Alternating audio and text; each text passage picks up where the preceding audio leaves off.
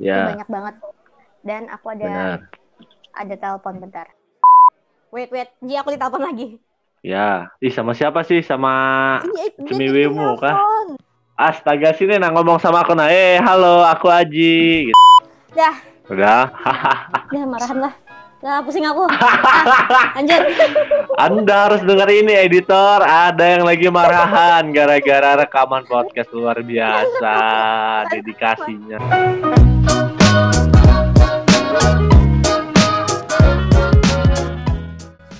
Hai teman-teman Merching di mana pun kalian semua yang sedang mendengarkan. Selamat datang di Merching Podcast. Yeay. Yeay. Cuma Wah, kayaknya sepi ya malam ini. cuma berdua Via sama Aji.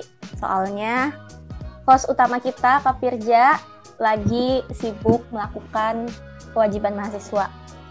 Host kita lagi katanya sih sibuk Katanya. skripsian katanya. Yang ngapain Ah. gitu. Wah, nggak ada yang tahu sih. Udah nanti dia waktu nggak dengerin misuh-misuh lagi. Husnuzon aja lagi sibuk skripsian gitu ya. Lagi sibuk cari cari Hmm. data. Kita doakan aja ya teman-teman di sini semoga Kak Firja cepat skripsiannya kelar. Amin. Kita juga Amin. jadi cepat skripsiannya kelar. Amin. Ya mulai aja belum. Alma juga nih, Alma memang lagi ada sibuk-sibuk juga. Jadi di sini kita cuma berdua. Jadi hari ini kita mau bahas apa nih, Ji? Nah, jadi gini. Jadi gini. Wah, kayak host kita yang lagi skripsian Harus- itu ya. harus ada jadi gininya. Jadi gini, kan kegiatan marching band itu kegiatan yang kompleks ya. Biasanya banyak yang dikangenin. Iya sih. Tapi ada nggak sih yang nggak dikangenin itu dari kegiatan marching band? Pastinya ada Iya dong ya. Jadi ya kan kompleks tuh. Nah pasti nggak cuman ada hal yang dikangenin doang, harus balance dong ya nggak sih? Kan nggak fair kalau misalnya kita nyeritain yang positif-positif aja soal marching, Pasti ya ada nggak? juga yang bikin kita kayak kesel banget di nursing gitu dan juga kayak Hmm. aduh aku pengen ngelupain Ya, aja deh betul. hal-hal ini aku nggak bakal kangen deh sama hal-hal yang ada di nursing yang sekarang gitu tapi kalau yang kangen-kangen nih Hmm. Cik, yang kangen-kangen tuh banyak sih ya sebenarnya kalau yang kangen Ya banyak. Itu kan biasanya menjadi umpan-umpan untuk menarik anggota-anggota baru ya kayak di marching band itu asik, punya banyak teman, ya kan. Terus keluarga baru bener. Diiming-imingin nilai ya. Ada kan kalau itu waktu zaman ini ya, waktu zaman sekolah ya diiming-imingin nilai. Nanti kamu kalau misalnya ikut marching dapat nilai keseniannya bagus. itu kemarin bilangnya kalau kamu ikut nursing nanti kamu tuh bisa deket sama guru-guru jadi nilaimu bagus. Gitu. Pasti Hmm, iya nggak? Pernah ada yang iming-iming kayak gitu tapi aku lupa siapa. Kakak kakak kelasnya itu pernah ngomong kayak gitu soalnya dia bilang Hmm. anak nursing itu biasa anak kesayangan gitu katanya katanya Katanya.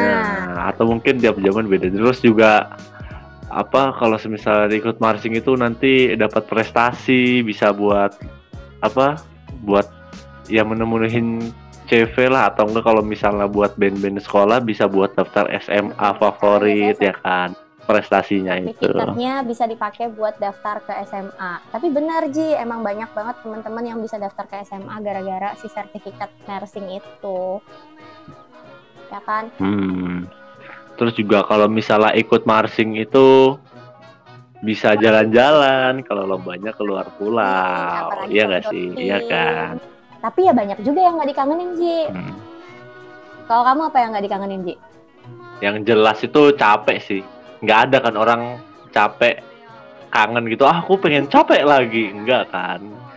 Jadi ya latihannya marching band itu udah lama, terus porsi waktunya banyak ya melelahkan lah. Dan nggak ada sih orang yang kangen. Menurutku loh ya menurutku tuh nggak ada sih orang yang kangen capek-capean kayak gitu.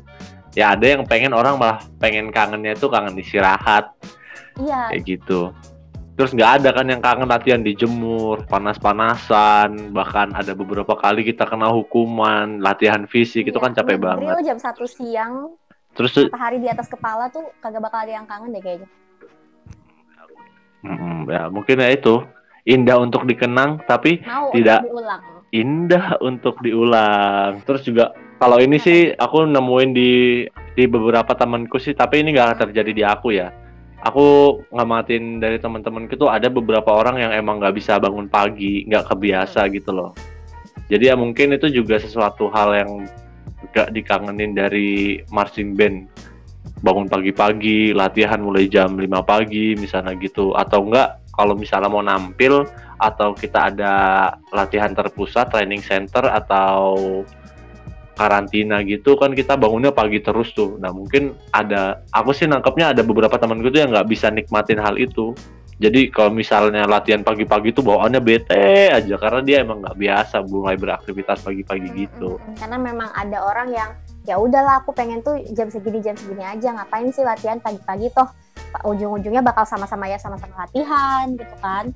Iya makanya iya sih bener sih. Apalagi kalau zaman kuliah nggak sih Ji kamu Iya dong, kan Anda tidak merasakan ya, kan? Kan dulu aku tuh tinggal di asrama dalam kampus ya. Terus teman-teman ESB itu yang di Brawijaya kadang sering juga latihan pagi deket sama asrama aku gitu jadi kayak wow ini orang rajin-rajin sekali ya tapi sih nggak ada hmm. orang yang kangen capeknya latihan. Orang pengennya kan latihan santai gitu nggak capek nggak bikin item. Uh, pasti kan uh kalau misalnya cewek-cewek udah hitam ah hitam modus sunblock sunblock sebelum latihan itu kan. udah, udah kita sih kayaknya kayaknya dulu pas SMP tuh seburik apa pun kayak ya udah lah ya bodo amat. Oh iya benar-benar. Tapi kan aku kan latihan ini kan masih aktif marching kan waktu kuliah ya gitu Vi. Kalau yang cewek-cewek tuh udah uh sunblock sunblock sunblock uh, kacamata hitam masker masker uh, lengkap iya, banget lah. Skincare-nya semua dibawa. Kangen kalau capek-capeknya latihan. Tapi capeknya latihan itu pasti nggak sendirian kan barengnya juga sama teman-teman setim gitu ada ada ibaratnya apa ya teman seperjuangan. Eh Cila bahasanya. Ada ada perasaan senasib gitu yang nyatuin kita teman-teman satu tim kayak kan. Jadi capeknya nggak sendirian. Oh ya benar kayak bangsa jajahan gitu ya punya perasaan senasib.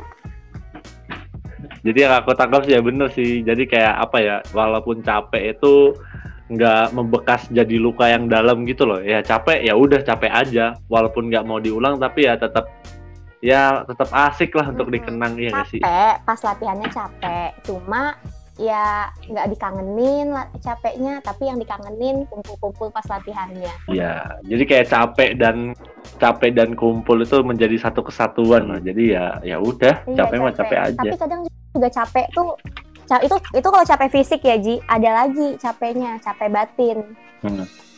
itu itu bener-bener nggak hmm. banget tuh. Eh tapi tapi Vi, biasanya kan kalau lagi capek batin tuh biasa uh, pada umumnya ya pemain-pemain marching band itu kan biasa punya support sistemnya. Wah pasti asik tuh. Ada mungkin pacar atau sahabatnya. Jadi setelah capek fisik itu pasti mereka-mereka tuh yang jadi garda terdepan buat nyemangatin hmm. kita gitu loh kalau aku sih alhamdulillahnya selama ikut itu ya pasti punya lah kayak gitu jadi entah itu capek fisik capek fisik maupun capek mental itu tetap aman semua. Tapi kadang kalau capek mentalnya yang bener-bener down banget, agak susah sih Ji kayaknya buat disemangatin sama vitamin lapangannya. Kayak misalnya marah-marahin. Oh iya, iya. Sama section leader lah, sama senior lah, sama pelatih lah, ya kan? Salah satunya aku tukang marahin. Itu itu tuh sampai ada uh, apa junior aku yang sampai ibaratnya dia itu kayak mogok latihan enggak sih cuma rasanya kayak sakit hati banget. Dia nangis sepanjang latihan. Gara-gara aku marahin. Terus kayak aku aku di uh. akunya dimarah-marahin sama satu tim. Gara-gara kenapa kamu bikin dia nangis? Gitu gitu, gitu ya kamu emang gak jelas ya emang kamu. Dan itu tuh apa ya kayaknya itu saat-saat di mana dia tuh udah kayak bener-bener males banget sama Mercy gara-gara sering aku marahin aku di posisi senior sering marah-marahin dia. Kalau kamu Ji posisinya marahin atau dimarahin? Kalau saya yang dimarahin bu. Saya kan tidak marah-marah kalau di lapangan. Tapi gini ya selama aku latihan tuh yang aku tangkap itu ada dua tipe marah. Ada yang marahnya yang bentak-bentak gitu ada juga yang diem. Dan aku udah pernah ngerasain dua-duanya yang dimarah bentak-bentak. Kamu bisa niup gak sih? Bla bla bla bla bla gitulah pokoknya. Dan ada juga yang kalau marah itu diem. Diem sediem diemnya gitu. Dan itu menurutku sama-sama menimbulkan efek yang nggak enak sih. Kalau misalnya kita dimarahin yang tipe yang diem-diem nih pelatih kita atau senior kita malah marah kan terus didiemin. Nah kita tuh jadi panik sendiri kan waduh aku salah apa nih? Waduh waduh kenapa nih kok diem aja? Gitu. Pasti panik. Dah kalau misalnya dibentak-bentak ya juga sama sih panik-panik gitu. Jadi tapi yang jelas kalau semisalnya yang dibentak-bentak itu lebih melukai harga diri sih kayak uh langsung down sedown downnya pada saat tapi itu makin juga lebih down Kayak lagi kalau yang diem gak sih? Jadi kayak aduh kita nih bener-bener nggak tahu lah apa nih apa nih yang harus kita lakuin. Kok kok malah diem? Ya udah mending ma- marah ngobrol marah bentak-bentak aja deh daripada diem gitu. Biar biar tahu salahnya di mana gitu. Pernah nggak sih ngerasa kayak gitu? Ya pernah. Tapi menurutku gini sih kalau misalnya nggak ada yang dimarahin latihan itu berjalan lurus-lurus aja gitu adem ayem aja. Itu kayaknya bukan kayaknya tapi itu memang ada yang nggak benar berarti di latihanmu.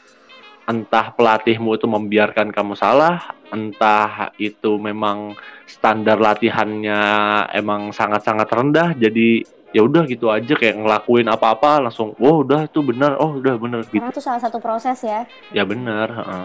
nggak mungkin kita tuh siapa pun itu, walaupun orang yang sejago apa pun pasti pernah ada momen-momen dia dimarahin, ada momen-momen dia tuh nggak bisa, pasti ada proses dan itu menjadi satu kesatuan gitu loh, terbentur terbentur terbentuk. Terbentur, terbentur, terbentur, agak ada terbentuknya ya. Iya terbentur Karena terus. orang-orang tuh ya nggak nggak bakal jadi hebat kalau dia nggak ditempa dulu. Nggak ditempa dulu sama arah-arahan dari Hmm, ya pelatihnya dia mentornya dia gitu. Dan mungkin cara orang-orang Hmm. untuk mentreatment kita gitu kan ya mentreatment orang-orang hebat itu ya salah satunya juga dengan memberikan apa ya bukan kemarahan sih. Gimana ya bahasa aja ya Kemarahan. oh ngasih tahu Gimana ya? sesuatu Ya, gitu dalam term. sesuatu cuma Heeh. kita nganggap ya dimarahin gitu. Hmm. Nah, tapi sebagai catatan juga kan isinya latihan itu nggak ada nggak cuman marah-marah doang. Pasti kan ada marah-marah buat nempa itu tadi sama ada apresiasi dan kita pasti mengalami dua hal itu kan. Kalau misalnya latihannya normal loh, iya kan. Kecuali isinya latihan anda-anda ini yang mendengarkan itu isinya marah, marah doang itu berarti emang nggak beres. Atau sebaliknya juga, kalau misalnya isinya latihan itu cuman apresiasi apresiasi aja itu juga ada yang nggak beres berarti di latihannya. Jadi ya itu tadi emang kita tuh emang nggak ngangenin momen-momen kita kita dimarahin. Gitu Vi. Nggak enak dimarahin Vi. Nggak kangen aku dimarah-marahin. Anda menyindir saya ya? oh jelas. Mumpung ada orangnya di depan saya ini. Iya tuh soalnya disclaimer ya gengs semua. Tuh adik-adik yang ada di bawah tuh kan namanya anak SMP ya jadi kayak agak kurang cepet kalau nangkap gitu kan. Sedangkan aku tuh orang kayak set set set set, set. kayak ya udahlah aku tuh kayak nggak sabar gitu loh kalau nggak cepet kayak kalau nggak apa. Jadi kan kayak kesannya tuh ya udah kenapa sih kamu nggak bisa gini gini gini gini gini gini gini gitu kan jadi jadi tuh semua hanyalah ah, kebodohan anak SMP gitu. Sekarang kan udah jadi lebih sabar gitu ya, Ji, ya. Hilih Tapi ada Ih. juniorku yang sekarang kuliahnya satu kota sama aku. Memang dia bilang selalu bilang kayak gitu. Kavia dulu marah-marah terus kerjaannya katanya. Dan itu memang nggak dikangenin sama semua orang. iya tapi setidaknya kita menjalani dua-duanya dimarah-marahin dan diapresiasi dan itu jadi ya itu jadi bagian dari proses yang nggak bisa lepas gitu loh. Jadi ada marah, ada apresiasi dan ya kayak dua sisi koin lah. Jadi ya kita harus terima dua-duanya itu secara seimbang gitu loh, nggak memikirin marah-marahnya aja doang, nggak juga memikiri kita dipuji-puji, diapresiasi kalau doang. Selalu di kalau bahasa Banjarnya itu diambung. Apa ya bahasa Indonesia? Diambung, Iya, apa pokoknya itu? ditinggiin dulu gitu loh. Kalau ditinggiin terus kan dia kayak merasa jumawa gitu. Kayak "Ya udah aku paling hebat, aku paling keren Hmm, gitu kan. Aku nggak pernah dimarahin, berarti aku bagus dong. ntar malah mikirnya kayak gitu malah nggak bisa berkembang jatuhnya ya kan Yo, dan biasanya tuh kalau aku marah-marah tuh meskipun yang marah eh, aku cuma marah ke satu orang itu biasanya semuanya itu dapat hukuman kalau di messing selalu gitu kan Iya.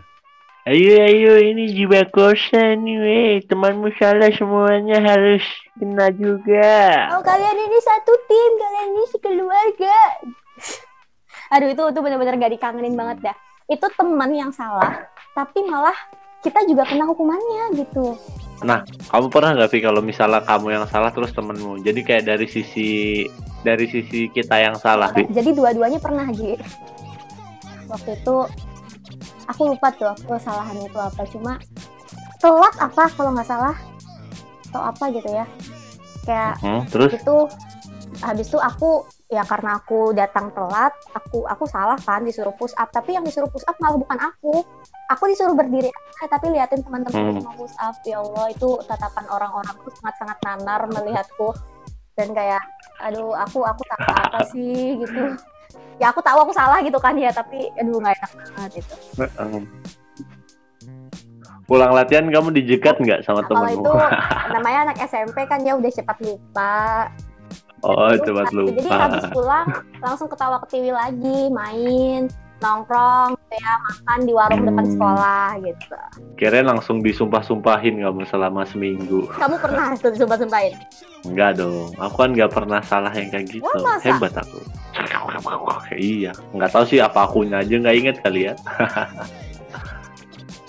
Terus gini, nggak semua teman-teman kita tuh bisa menyika, me- menyikapinya tuh dengan berbesar hati gitu loh. Paham nggak sih? Jadi kalau ketika ada temen yang salah nih, terus yang salah itu malah nggak dihukum, yang dapat hukuman malah yang nggak salah. Itu kan pasti pada apa ya nggak legowo gitu loh. Dan akhirnya ya itu tadi nyumpah nyumpahin kayak gitu. Tapi nggak semuanya loh.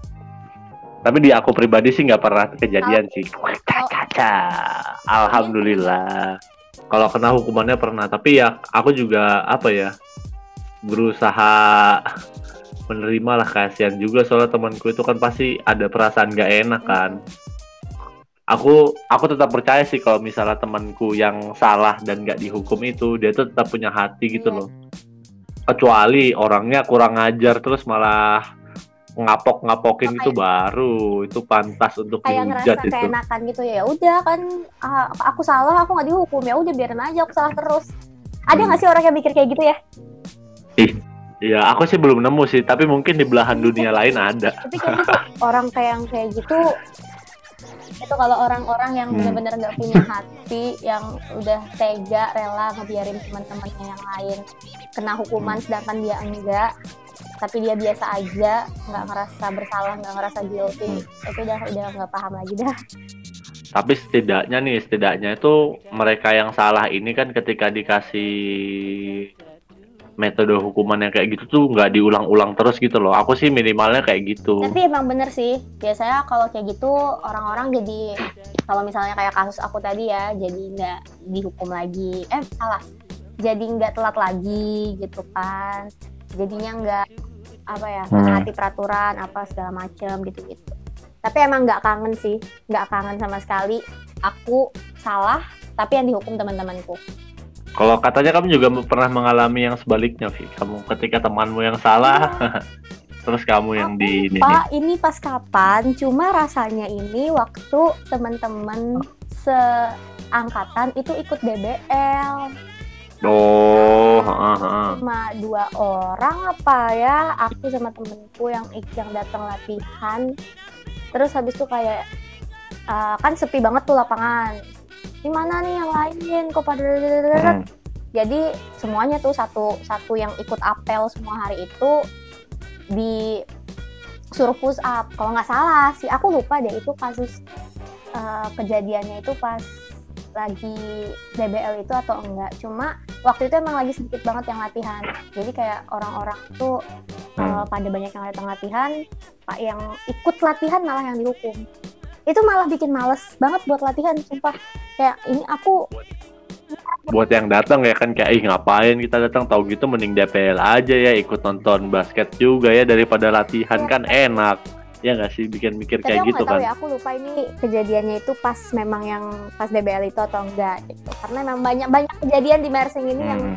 karena saking banyaknya itu jadi kayak udah tertumpuk. saking banyaknya atau saking lamanya udah Yang nggak marching lagi oh Yang yang kedua langsung Iya. ngaku ya anda ya Saya sini fair-fair aja ya bos ya. oke Kalau bagus bagus biasanya di kuliah kan tuh orang-orang udah pada dewasa lah hitungannya tuh. Udah Dewasa dan Hmm. apakah juga diberlakukan yang kayak gini yang biasanya kamu salah tapi temanmu yang kena hukum. Ini kamu nanya atau ngasih tahu nih? Oh nanya, iya masih kayak gitu ada. Dan konon katanya sih metode kayak gitu tuh dapat meningkatkan solidaritas tim. Padahal tadi kan udah kita bahas ya kalau semisalnya dengan metode seperti itu tuh nggak semuanya orang tuh bisa menyikapinya dengan berbesar hati gitu loh. Terus kalau semisalnya malah menimbulkan perpecahan gimana? Ayo loh, apakah benar-benar dapat meningkatkan solidaritas tim? sebenarnya itu kembali ke pribadinya orang-orang itu lagi kan. Dia tuh bisa menyikapinya besar hati atau enggak. Kalau enggak ya bakal menimbulkan perpecahan malahan. Iya nggak sih? Sebenarnya memang banyak ini caranya untuk memberikan pelajaran itu banyak, tapi jangan sampai yang eh, kejadian orang salah tapi yang kena hukuman teman-temannya itu jadi satu-satunya cara, satu-satunya metode untuk buat memberikan pelajaran, memberikan efek jerak kayak gitu. Jadi jangan cuma satu aja yang Hmm. dipakai, jangan cuma cara itu aja, tapi juga ada lah ya metode pengajaran lain, metode pemberian rasa efek jerah yang lain supaya ya nggak kayak gini terus gitu loh. Sesekali mungkin boleh, Hmm. cuma jangan sering karena semua yang berlebihan itu tidak baik. asik ya Terus ada lagi nggak? Ya udah banyak banget ya kita udah ngobrol hampir sejam Ji. tapi kan banyak dikatnya ya cuy tadi editor ini dijadiin berapa menit nih. Karena semua itu ada di uh, ada di Iya. tangan editor nih. yoi Halo editor. halo editor Mana closingnya Ji? Kapirnya biasa aku closing lupa ya biasanya closingnya biar kayak gimana ya Ada aja nggak sih kayak bye gitu ya nggak sih? Tapi sebelumnya Hmm. Coba dengerin dengerin aku nih buka lagi otw buka Spotify nih oh harus ada closing statementnya nggak sih iya, biasanya Ah, mungkin dari kamu aja kali. Ya, dari kamu apa, Vi? Kegiatan marching band itu apa sih yang nggak dikangenin, Vi? sebenarnya banyak banget yang bisa dipelajarin dari mersing ini sendiri bahkan hal-hal yang nggak dikangenin pun yang bikin kita malas untuk mersing lagi itu tuh sebenarnya juga Hmm. bisa kita ambil gitu jadi pelajaran hidup Kalau kamu, Ji?